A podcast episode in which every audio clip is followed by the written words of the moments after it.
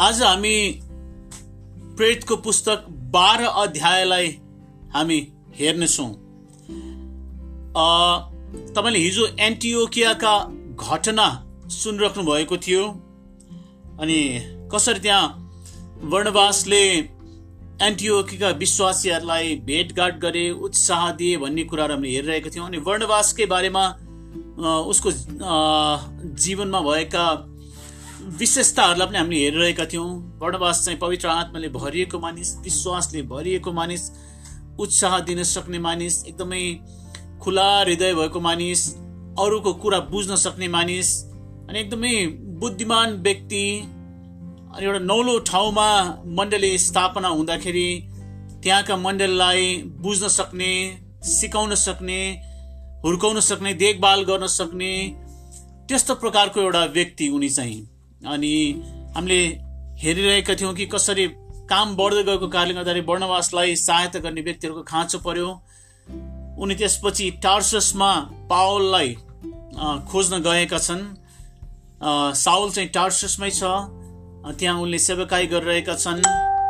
अनि हामीले कसरी हेरेको थियौँ कि साउललाई लिएर उनी फेरि एफएसएसमा आउँदछ। अनि अर्को एक वर्ष त्यहाँ बसेर चाहिँ त्यहाँका विश्वासीहरूलाई लगातार रूपमा सिकाउने हुर्काउने कामहरू गरिरहेको हामी पाउँदछौँ त्यहाँ। साउललाई पहिलोचोटि भेटेकोबाट अब लगभग चौध वर्षको समय बितिसकेको छ। यो समयसम्म चाहिँ। त्यसपछि हामीले हेरेको थियौँ कि अगावस भन्ने एकजना अगमवक्ता उनीहरूको बिचमा आए र कसरी एउटा ठुलो अनिकाल पर्न लागेको छ भन्ने कुराको बारेमा उनले भविष्यवाणी गरेका। अनि नभन्दै क्लाउडियसको समयमा यो महा यो अनिकाल चाहिँ परेको हामीले सुनिरहेका थियौँ। अनि यो अनिकालको बारेमा इतिहासकार जोसिफसले पनि बताएको हामीले हेरिरहेका थियौँ ल। अब आज आएर चाहिँ फेरि सिन चेन्ज भएर पत्रुसमा अब आउँदछ फेरि पनि। अनि हामी यहाँ देख्दछौँ शीर्षक लेखिएको छ पत्रुस झ्यालखानमा। यहाँ यसरी भन्दछ ती दिनमा हेरोद राजाले मण्डलीका कतिजनामाथि कठोर अत्याचार गर्न लागे। यो हेरोद को हेरोद? तपाईँले बाइबल भन्यो नै हेरोदै हेरोद हेरोदै हेरोद पाउनुहुन्छ है। सिजरै सिजर पाउनुहुन्छ। सिजर हेरोद भनेको एउटा टाइटल जस्तो हो। यो हेरोद जुन छ हेरोद महान होइन। हेरोद महानका तिनजना छोराहरू शासक थिए। अनि चौथो छोरा चाहिँ देश निष्कासन भएर रोममा गएर बसिरहेका थिए जसको नाम चाहिँ फिलिप। हो अनि अर्को एउटा छोरा जसको नाम चाहिँ हेरोद फिलिप हो उनी चाहिँ इतोरियामा शासन गर्दथे। हेरोद एन्टिपास भन्ने एकजना छोरा थियो। अनि अर्को चाहिँ हेरोद अर्खिलाउस भन्ने छोरा थियो। अनि यी बारेमा देख्दछौँ अब यो हेरोद चाहिँ को त फेरि? कहाँबाट आइपुग्यो अर्को हेरोद यो हेरोद चाहिँ को त भन्दाखेरि हेरोद अग्रिपास पहिलो भनेर सम्बोधन गर्दछ उसलाई चाहिँ। हेरोद अग्रिपास पहिलो। यो व्यक्तिलाई हामी देख्दछौँ यो हेरोद अग्रिपास चाहिँ हेरोद महानको नाति हो। हामीलाई थाहा छ रोमीहरूले यहुदियाको प्रान्तमा र सामरियाको प्रान्तमा शासन गर्ने हेरो अर्किलाउसलाई चाहिँ उनीहरूले त्यहाँबाट हटाइदिएको थियो प्रभु येसुको समयमा। किन एकदमै क्रूर व्यक्ति उनले लगभग तिन हजारजना यहुदीहरूको हत्या गरेका थिए। यसले गर्दाखेरि यहुदीहरूको बिचमा एक प्रकारको भनौँ न एउटा ठुलो गडबडी जस्तो भएको थियो त्यहाँ। अनि रोमी साम्राज्यलाई सम्हाल्न पनि एक प्रकारले गाह्रो जस्तो अवस्था आएको कारणले गर्दाखेरि रोमीहरूले अर्किलाउसलाई चाहिँ निकालिदिए शासनबाट हटाइदिए। त्यसले गर्दाखेरि उनको सट्टामा चाहिँ त्यहाँ गभर्नर पिलातुसलाई चाहिँ उनीहरूले स्थापना गरेका थिए। प्रभु यसुको समय हामीलाई थाहा छ क्रुसमा झुन्ड्याउने निर्णय कसले गरे त? पिलातुसले निर्णय सुनाएको छ होइन त? अनि त्यति बेला चाहिँ यहुदियाको प्रान्त र सामरियाको प्रान्तमा चाहिँ शासन गर्नलाई त्यहाँको हेरोद चाहिँ छैन। त्यहाँ गभर्नरले शासन गरिरहेको छ। तर प्रभु येसुको समयमा हेरोद अर्को हेरोद आएको देख्नुहुन्छ। त्यो चाहिँ को हेरोद भन्दाखेरि चाहिँ फेरि त्यो चाहिँ माथिबाट एन्टिपास हो है टेट्राक पनि भनेर भन्दछ। एन्टिपास चाहिँ तल आएको छ गालिलको प्रान्तबाट। उनी चाहिँ गालिल र पिरियाको प्रान्तमा शासन गर्दथे। उनलाई देख्नुहुन्छ। अब यो आज देख्ने हेरोद चाहिँ यो अग्रिपास पहिलो हेरोद महानको नातिलाई हामी यहाँ देखिरहेको छौँ। अनि यहाँ लेखेको छ कि यो हेरोदले चाहिँ मण्डलीका कतिजनाहरूमाथि एकदमै कठोर रूपमा अत्याचार गर्न लागेको छ। अनि त लेखेको छ उनले यहुन्नाका दाजु याकुबलाई मारे। यो याकुब जसलाई उनले मारे अब प्रेरितहरूमा मर्नेमा पहिलो व्यक्ति चाहिँ याकुब बने। यो याकुब चाहिँ जब्दियाका छोरा याकुब र योहन्ना दुईजना होइन त? जब्दिया र सलोमीका छोरा। अनि यो याकुब चाहिँ के त? प्रेरित योहन्नाको दाजु याकुब जो चाहिँ प्रेरित हो। याकुब र योहन्ना दुईजना मध्येको एकजना हो। यो प्रेरित हो अनि पहिलो प्रेरित जसलाई चाहिँ मारियो होइन प्रेरितहरूमा शहीद बन्नेमा चाहिँ पहिलो व्यक्ति बन्नुभयो उहाँ चाहिँ। अनि यसरी याकुबलाई चाहिँ तरबारले मारेको छ। यो चाहिँ इजरायलमा भएको घटना हो। यरुसलेममा भएको घटना हो ल। यसले गर्दा के भन्दा चाहिँ यहुदीहरू खुसी भए आह यो क्रिस्चियन भनाउँदाहरू यति बेला त क्रिस्चियन त भन्दैन थिए यरुसलेममा चाहिँ। यो यसोलाई पछ्याउनेहरू नासरी पन्थका मान्छेहरू चाहिँ होइन यिनीहरूलाई मारे भनेर चाहिँ यहुदीहरू चाहिँ रमाएका छन्। अनि यो देखेर चाहिँ के त भन्दाखेरि हेरोदले अझै कठोर रूपमा उनको अत्याचारलाई चाहिँ बढाउँदै लगेको हामी पाउँदछौँ। होइन एउटा भनौँ न त्यहाँको लोकल समुदाय यहुदी समुदायलाई खुसी पार्नको लागि उनले चाहिँ गैर कानुनी रूपमा कार्य गरेको हामी पाउँदछौँ। अनि यसरी क्रिस्चियनहरूमाथि अत्याचार गरेको हिंसा गरेको अनि यस प्रकारको भनौँ न मार्ने सखाप पार्ने प्रकारको कामहरू गरेको हामी देख्दछौँ। अनि यो विश्व इतिहासमा तपाईँले हेर्नुभयो भने यो नौलो कुरा पनि होइन।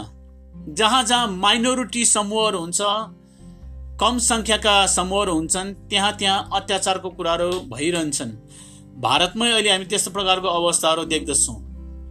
अनि माइनोरिटी समूहको मान्छेहरूको आवाजलाई पनि त्यति गम्भीरतापूर्वक लिइँदैन।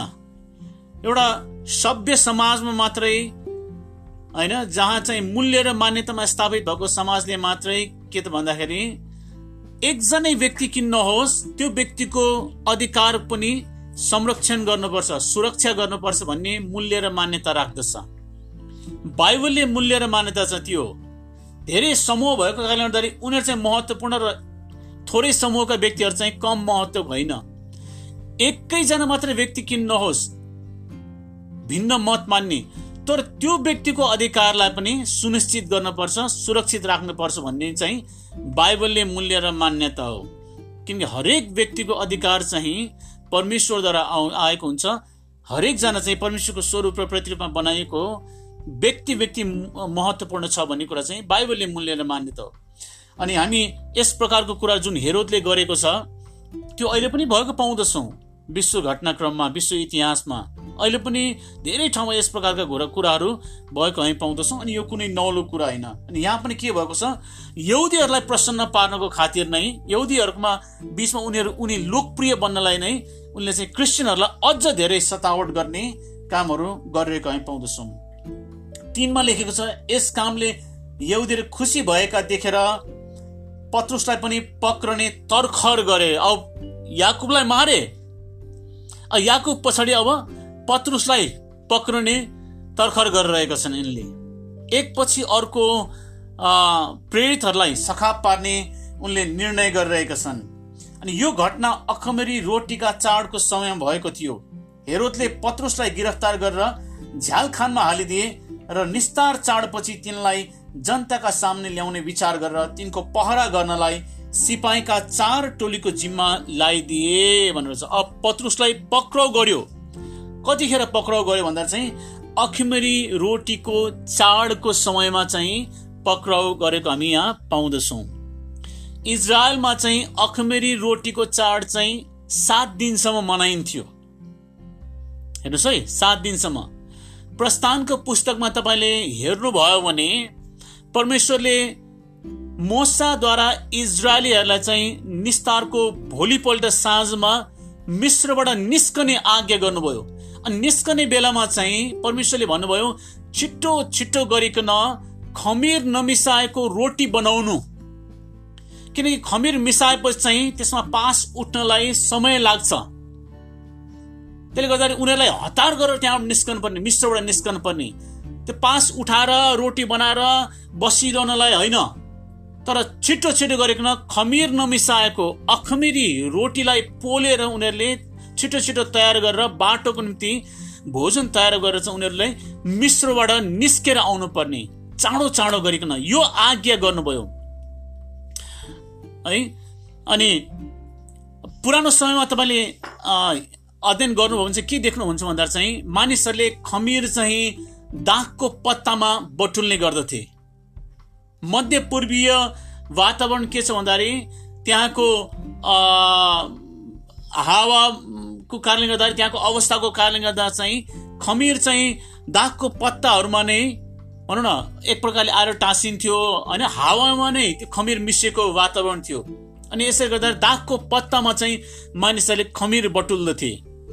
अनि पुरानो समयमा हामी के देख्छौँ हिब्रूहरूलाई चाहिँ परमेश्वरले के भन्नुभयो? इजरायलीहरूलाई चाहिँ खमिर लागेको कुनै पनि कुराले चाहिँ पिठोलाई नछोस्। पिठो चाहिँ एकदमै अलग राख्नु खमिरसँग मिसिएको हुनु हुँदैन। खमिरले छुँदा पनि नछोस्। अनि त्यत्तिकै त्यो खमिर नमिसेको खमिर नमिसेको यो रोटीलाई चाहिँ छिट्टो छिट्टो गरिकन पकाउनु पर्ने अनि त्यो लिएर चाहिँ उनीहरू सबै आफ्नो सामानहरू बटुल बाटुल पारेर मिश्रलाई छोडेर परमेश्वरले प्रतिज्ञा गर्नुभएको देशमा उनीहरू जान पर्ने। यो आज्ञा गर्नुभएको थियो। अनि परमेश्वरले यो आज्ञा उनीहरूलाई गर्नुभयो कि आउने समयमा इजरायलीहरूले यो दिनको सम्झना गरेर सात दिनसम्म चाड मनाउनु पर्ने। अनि घरमा कुनै पनि प्रकारको खमिर मिसिएको कुरा राख्न हुँदैन। त्यो प्रकारको आज्ञा पनि गर्नुभयो। यस दिनको सम्झनामा तिमीहरूले सात दिनसम्म यो चाड मनाउनु। यस दिनको सम्झनामा चाहिँ। अनि तिमीहरूको घरमा चाहिँ त्यति बेला कुनै पनि खमिर मिसिएको कुराहरू खमिर भएका कुराहरू खमिर नै नराख्नु भन्ने प्रकारको आज्ञा पनि परमेश्वरले इजरायलीहरूलाई दिनुभएको हामी पाउँदछौँ। अनि पछि गएर यही दिनको सम्झनामा चाहिँ अखमेरी रोटीको चाड भनेर इजरायलमा मनाइने गरियो। अनि आज हामी यही कुरा देख्दछौँ अखिमेरी रोटीको चाड। यहाँ चाहिँ त्यो दिनमा पत्रुसलाई पक्राउ गरेको छ हेरोदले। निस्तारको साँझ इजरायलीहरूले अहिले पनि घरको कुनै भागमा पनि खमिर मिसेको हुनु हुँदैन थियो। अनि त्यो दिन जब उनीहरूले अखमिर रोटीको चाड मनाउने समय आउँदथ्यो उनीहरूले के गर्दथे भन्दाखेरि चाहिँ उनीहरूको घरमा खमिर मिसिएको सानो रोटीको टुक्रा चाहिँ लुकाउँदथ्यो लुकाउँछ उनीहरूले। अनि घरका साना साना नानीहरूले चाहिँ त्यो रोटी खोज्न पर्ने। होइन घरलाई खमिरबाट खमिरहरू सबै निकाल्यो फ्याँक्यो तर खमिर मिसाएको रोटीको टुक्रा चाहिँ उनीहरूले लुकाउँदथ्यो अनि घरका साना साना नानीहरूले चाहिँ त्यो कुराहरू खोजेर उनीहरूले भेटाउनु पर्ने लुकाएको ठाउँबाट निकालेर ल्याउने। अनि निकालेर त्यो अनि त्यो परिवारले चाहिँ त्यो खमिर मिसिएको रोटीलाई घरबाट बाहिर ल्याएर आगमा जलाएर नष्ट गरिदिन्थ्यो। अनि यस प्रकारले भनौँ न घरभित्र कुनै प्रकारको खमिर मिसिएको कुराहरू हुनु हुँदैन थियो। मैले अघि नै भने खमिर चाहिँ हावामा नै मिसिएको हुन्छ। होइन तपाईँ बम्बईको छेउमा गोवाको छेउमा जानुभयो भने त्यहाँको वातावरणमा नै तपाईँले नुनिलो पानी नुनिलो वायु पाउनुहुन्छ हेर्नुहोस् है। अनि तपाईँले घरमा अब मैले घरको कुनै पनि भागमा नुन मिसिएको कुरा पाउनुहुन्छ। गाडी पनि त्यहाँ केही समय पछाडि खिया लाग्न थाल्छ फलामहरू। किन नुनिलो वातावरणले गर्दाखेरि? यस्तै प्रकारको अवस्था। खमिर नमिसि नमिसिएको कुनै पनि कुरा हुनै सक्दैन थियो असम्भव थियो। घरभित्र सामानहरू निकाले पनि घर पुरै खमिरबाट धुनलाई सफा गर्नलाई यो असम्भव जस्तो कुरा हो। है? अनि हाउमा नै खमिर मिसिएको हुन्थ्यो। मध्य पूर्वीय त्यो समाजमा चाहिँ। त्यसैले गर्दा मानिसहरूले के त पातमा चाहिँ खमिरलाई बटुल्ने गर्दथ्यो। अनि त्यही खमिरले ल्याएर पिठोमा मिसाएर खमिर मिसाएको रोटीहरू पकाएर खाने गर्दथे उनीहरूले चाहिँ। तर यो दिनमा चाहिँ उनीहरूलाई खमिर नभएको रोटी खानलाई परमेश्वरले आज्ञा गर्नुभयो। नयाँ करारमा हामी जब आउँदछौँ नयाँ करारमा चाहिँ खमिरलाई चाहिँ पापसँग तुलना गरेको छ हेर्नुहोस् है। यहाँ अङ्ग्रेजीमा इस्ट भनेर भन्छ तर यहाँ खमिर भनेर भनेको छ खमिरलाई चाहिँ पापसँग तुलना गरिएको छ। नयाँ करारमा जब पिठोमा तपाईँले अलिकति खमिर मिसाउनुहुन्छ त्यो खमिरले पुरा पिठो नै खमिरी बनाइन्छ। होइन? त्यो चारैतिर फैलिन्छ पिठोमा चाहिँ। अनि पास उठेर चाहिँ त्यो भनौँ न पुरा पिठो नै खमिरी बन्दछ। अब त्यो पिठो जसमा खमिर मिसाइएको छ त्यहाँबाट तपाईँले अब म खमिर निकाल्छु भनेर पनि निकाल्न सक्नुहुन्न। कुनै पनि हालतमा त्यो खमिर मिसिएको रोटीबाट खमिरलाई अलग गर्न तपाईँले सक्नै हुन्न कुनै पनि हालतमा। त्यो पुरा पिठो नै खमिरी बन्छ खमिर मिसाएको कारणले। सानो टुक्रा नै खमिर किन्नुहोस्। त्यसले चाहिँ पुरै पिठोलाई नै के त खमिरी बनाइन्छ। अनि त्यो पिठोको डल्लोबाट कुनै हालतमा पनि तपाईँले कुनै किसिमले पनि खमिरलाई निकाल्न अलग गर्न सक्नुहुन्न। मानव इतिहासमा के भएको छ भन्दाखेरि आदम र हप्पाले जब पाप गर्यो त्यो पापले गर्दाखेरि एउटा सिद्ध संसार पाप रहित संसारमा चाहिँ पाप आएको छ। पाप मिसिएको छ। अनि सम्पूर्ण संसार नै के त? पापमा गाँजिएको छ अब। आदम र हब्बाको त्यो पाप उनीहरूले उनीहरू दुईजना व्यक्तिले गरेको पाप हो यो। तर यसको कारणले गर्दा सम्पूर्ण संसार नै पापले भरिएको छ अब। अनि त्यो पाप चाहिँ के त भन्दाखेरि चारैतिर छ। अनि कुनै पनि कुराले यो पापलाई पूर्ण रूपमा यो संसारबाट हटाउन चाहिँ सक्दैन। हामी चाहे होइन आफैलाई म चाहिँ म एकदमै सफा छु भनेर भनौँला तर परमेश्वरको नजरमा परमेश्वरले जब हेर्नुहुन्छ यस संसारमा हरेकलाई चाहिँ पापमा नै देख्नुहुन्छ पापमा नै फेला पार्नुहुन्छ। अनि मानिसले आफ्नो प्रयासले चाहिँ यो पापलाई चाहिँ आफूबाट निकाल्न सक्दैन न त संसारबाटै निकाल्न सक्दछ। यसको निम्ति के चाह्यो त भन्दाखेरि पाप नै नभएको व्यक्तिको हामीलाई खाँचो पर्यो। ताकि हामी जो पाप मिसिएका छौँ पाप खमिरी जुन पिठो छौँ हामीहरू खमिर मिसाइएको पिठो यसको सट्टामा चाहिँ अखमिरी खमिर नै नभएको पिठोको आवश्यकता पर्दछ।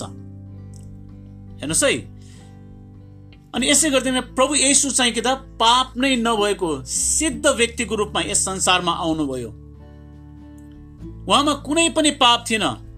अनि उहाँ चाहिँ तपाईँ र मेरो निम्ति बलि बन्नुभयो।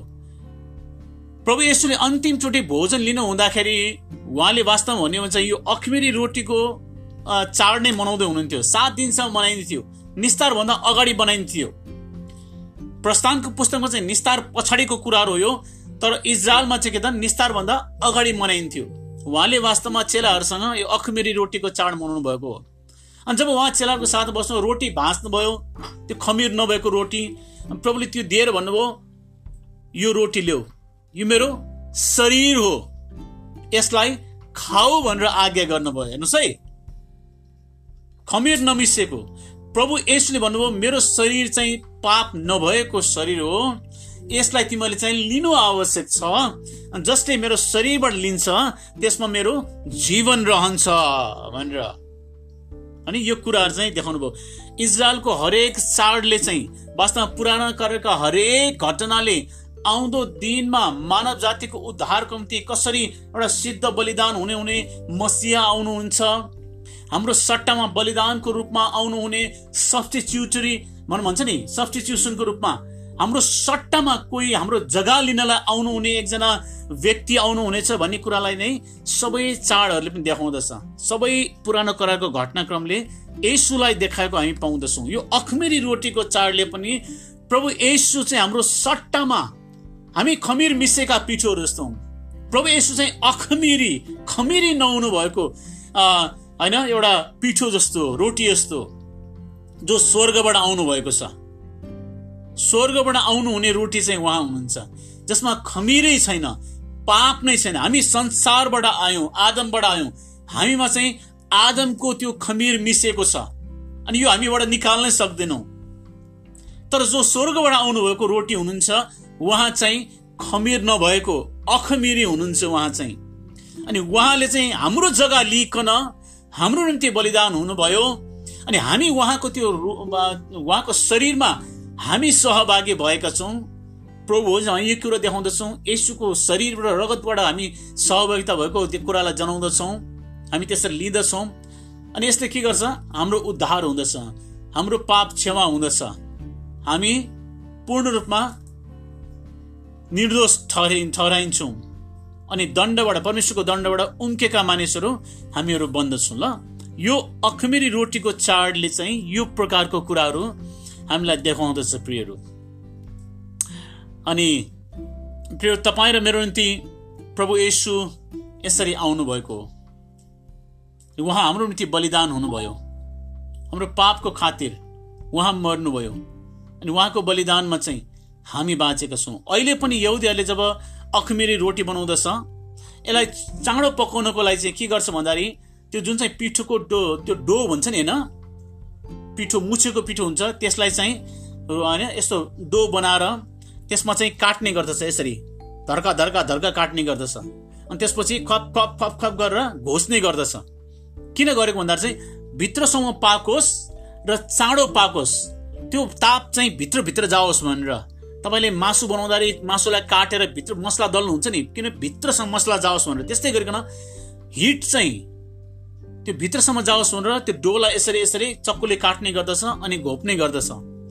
प्रेरु यौदीहरूले यो चाहिँ अब रोटी छिटो पकाउनलाई गरेको लगभग अठार मिनटको समयमा रोटी चाहिँ पाक्छ यसरी। त्यो डो पाक्दछ। तर वास्तवमा उनीहरूले जुन कार्य गरे गर्छन् अहिले पनि त्यसले चाहिँ के त भन्दाखेरि यसो ख्रिस्ट हाम्रो निम्ति कसरी हाम्रो सट्टामा हाम्रो उद्धारको निम्ति बलिदान हुनुभयो। हाम्रो उद्धार चाहिँ उहाँको बलिदानले पुरा गरेको छ भन्ने कुरा चाहिँ यो घटनाले पनि देखाउँदछ हेर्नुहोस् है। प्रभु यसो तपाईँ र मेरो निम्ति उहाँ उहाँको शरीर चाहिँ लहुलुहान भयो काटियो कोर्राको चोटहरूले। उहाँ चाहिँ काँडाको ले घोचियो उहाँलाई किल्लाले घोचियो भालाले घोचियो उहाँलाई चाहिँ। ताकि उहाँको बलिदानद्वारा चाहिँ हाम्रो उद्धार होस् भनेर। अमेन अमेन मैले आज तपाईँलाई अलिकति अखमेरी त्यो चाडको बारेमा अनि कसरी त्यो अखमेरी रोटी जुन छ अखमेरी चाडमा जुन प्रयोग गरिन्छ त्यो चाहिँ वास्तवमै हो भने चाहिँ हाम्रो उद्धारको निम्ति यसुको बलिदानलाई देखाउँदछ त्यसले। अनि उहाँको बलिदानद्वारा हाम्रो उद्धार भएको छ भन्ने कुरालाई चाहिँ यो चाडले पनि देखाइरहेको छ भन्ने कुरालाई तपाईँको माझमा ल्याउनु खोजेको मैले चाहिँ आज। अनि त्यही दिनमा चाहिँ पत्रुसलाई पक्राउ गरेको हामी पाउँदछौँ। अनि चाडको समय भएकोले गर्दाखेरि पत्रुसलाई मार्ने तुरन्त मारेन तर झ्यालखानामा राखिदिने कुरा हो त्यहाँ। अनि उनलाई चाहिँ झ्यालखानामा राखिदिएको छ सिपाहीहरू एकातिर एउटा सिपाहीलाई बाँधेर अर्कोतिर अर्को सिपाहीलाई बाँधेर हतकडी लगाइदिएर शरीर नाङ्गै पारेर अनि यसरी झ्यालखानाभित्र राखिदिएको छ। दुईतिर दुईटा सिपाही पनि बाँधिएको छ। त्यहाँबाट फुत्किनै सक्दैन। भाग्न खोजेको सिपाहीलाई घिसाउनु पर्ने भयो त्यहाँ। सिपाही मर्यो भने पनि त्यो लासलाई घिसाउनु पर्ने भयो अब। त्यो प्रकारले उनलाई बाँधिएको छ। अनि बाहिरबाट पनि पहरा दिएर पहरा दिएर राखेको छ यसरी। हेर्नुहोस् है यहाँ के भनेको छ भन्दाखेरि चार टोली सिपाहीका चार टोलीको जिम्मा लगाइयो अरे। एउटा टोलीमा चार चारजना सिपाहीहरू हुन्थे। भन्दाखेरि सोह्रजना सिपाहीहरू एउटा व्यक्तिको गार्ड गर्नलाई त्यहाँ खटाइएको छ। अनि यस प्रकारले कैदमा पत्रुसलाई राखेको छ। अनि पत्रुसलाई के गरेको देख्दछौँ हेर्नुहोस् न हामी। यसरी पत्रुस झ्यालखानामा राखिए तर तिनको निम्ति मण्डलीले परमेश्वरलाई बडो जोससँग प्रार्थना गरिरहेको थियो। मण्डली चाहिँ पत्रुसको निम्ति अब प्रार्थना गरिरहेका छन्। यो कति राम्रो कुरा हो। मण्डलीले चाहिँ पत्रुसको निम्ति जोड तोडको साथ प्रार्थना गरिरहेका छन्। यहाँ लेखेको छ हेरोदले तिनलाई बाहिर निकाली ल्याउनलाई खोजेकै रात पत्रुस दुईवटा साङ्लाले बाँधेर दुईजना सिपाहीहरूका बिचमा सुतिरहेका थिए। सिपाहीहरू पनि ढोका अघिल्तिर उभिएर झ्यालखानको पहरा दिइरहेका थिए। अचानक प्रभुका एउटा स्वर्गदूत त्यहाँ देखा परे र कोठरीमा ज्योति चम्क्यो। स्वर्गदूतले पत्रुसलाई कोखामा हिर्काए अनि छिटो उठ भनेर तिनलाई जगाए। तब साङ्लाहरू तिनका हातबाट फुस्केर खसे। पत्रुस झ्यालखानामा छ। अब याकुबलाई तरबारले काटेर मारेको छ थाहा छ यो कुराहरू। अनि उस उनको पनि मृत्यु आउँदैछ पत्रुसको मृत्यु आउँदैछ। यो कुरा पनि थाहा छ पत्रुसलाई अब। होइन? पत्रुसलाई सोधेको थियो कि अब मेरो सेवकाई गर्ने समय सिद्धियो होला। यति नै रहेछ। अब म मर्नै पर्ने हो आखिर भनेर उनले सबै कुरा प्रभुमा नै विचार चाहिँ त्यस्तो बेलामा पनि मस्त सुतिरहेको छ। स्वर्गदूतले आएर खुट्टाले आएर कोखामा हिर्काएर छिटो उठ भनेर भन्न पर्नेसम्म अवस्था घच घचाएर उठाउनु पर्नेसम्म अवस्थामा। मृत्यु अगाडि छ अब भोलिपल्ट मर्नेवाला छ अब। तै पनि निधाउन सक्ने होइन? कस्तो प्रकारको है? परमेश्वरमा भनौँ न निर्धक्क आफ्नो सबै कुराहरू बिसाउन सकेको होइन र? हामी कतिजना यहाँ सुत्नै सक्दैनौँ होइन? म पनि कचोटि सङ्घर्ष गर्छु निधाउनलाई दिमागमा कुरा खेलिरहन्छ।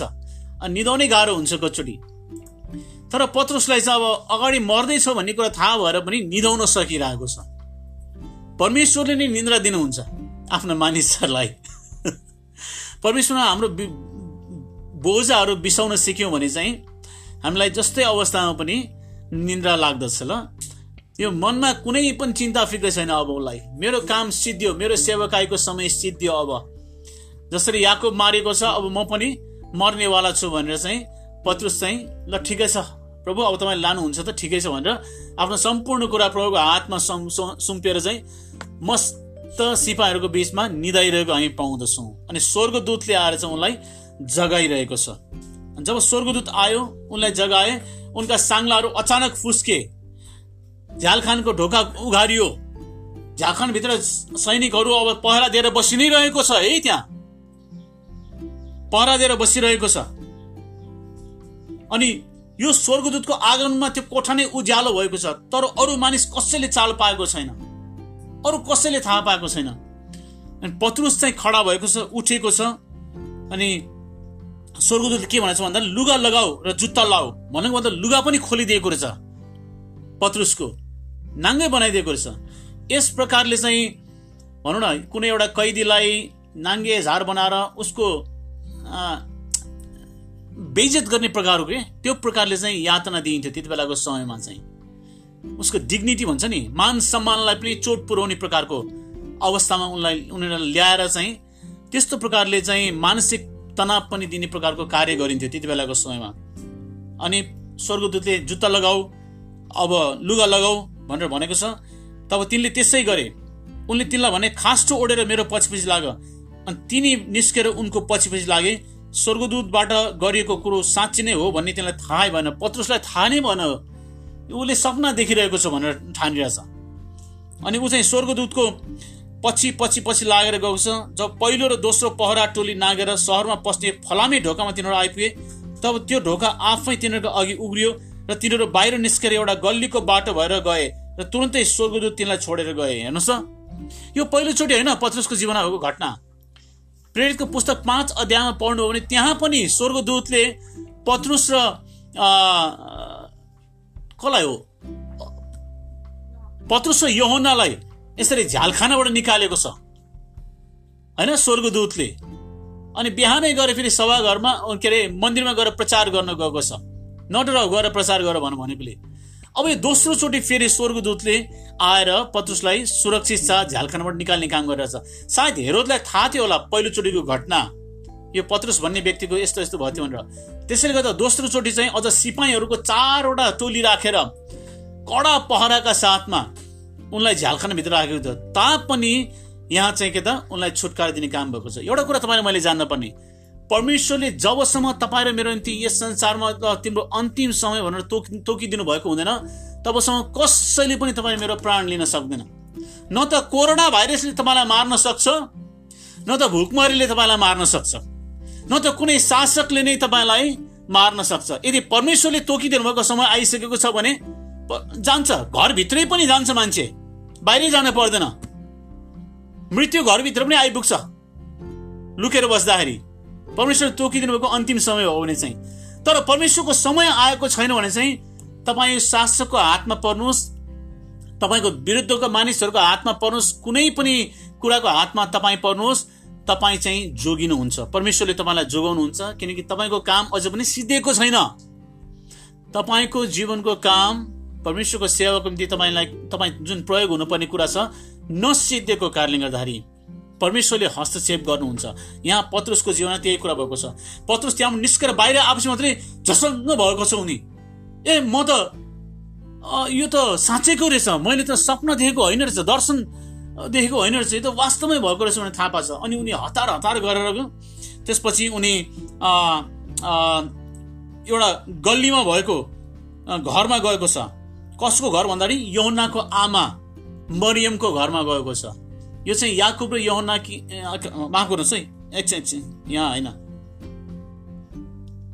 मर्कुसको घरमा मर्कुस मर्कुसको नाम यहुना पनि हो ल बाइबलमा पाउनुहुन्छ। मर्कुस भन्ने अर्को व्यक्ति तपाईँले मर्कुसको सुसमाचार जसले लेखेको छ उहाँ हो मर्कुस चाहिँ। मर्कुसको आमा पनि मरियम। अनि मर्कुसको घरमा गएको छ पत्रुस चाहिँ। त्यहाँभित्र चेलाहरू बसिरहेका छन् प्रार्थना गर्दै। अनि पत्रुसलाई ढक ढक ढक ढक गरेको छ। अनि काम गर्ने एकजना नोकर्नी दासी जसको नाम रोदा रोदाले आएर सुन्दाखेरि चाहिँ पत्रुसले आवाज दिएको छ म हुँ भनेर भन्दाखेरि आवाज सुनेर ढोका खोल्नु नै छोडेर उयो पुरा होइन खुसीले हतार हतार गरेर भित्र गएर चेलाहरूलाई भन्न गएको छ बाहिर पत्रुस खडा छ पत्रुस भनेर भन्दाखेरि कसैले विश्वास गर्न सकेको छैन।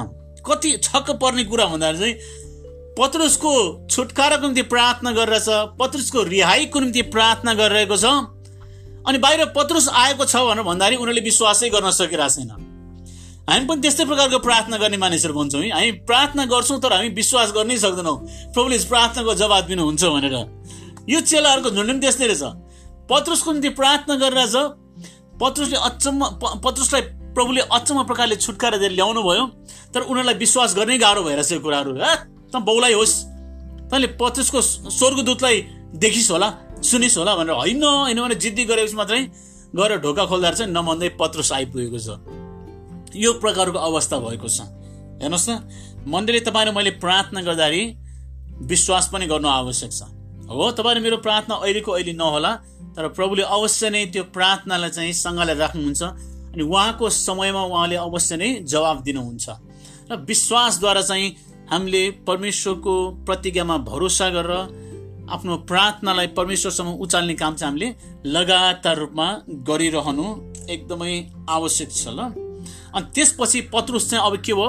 त्यहाँ एउटा ठुलो समस्या खडा भएको कारणले गर्दा यरुसलेमलाई छोडेर उनी त्यहाँबाट बाहिर गएका छन्।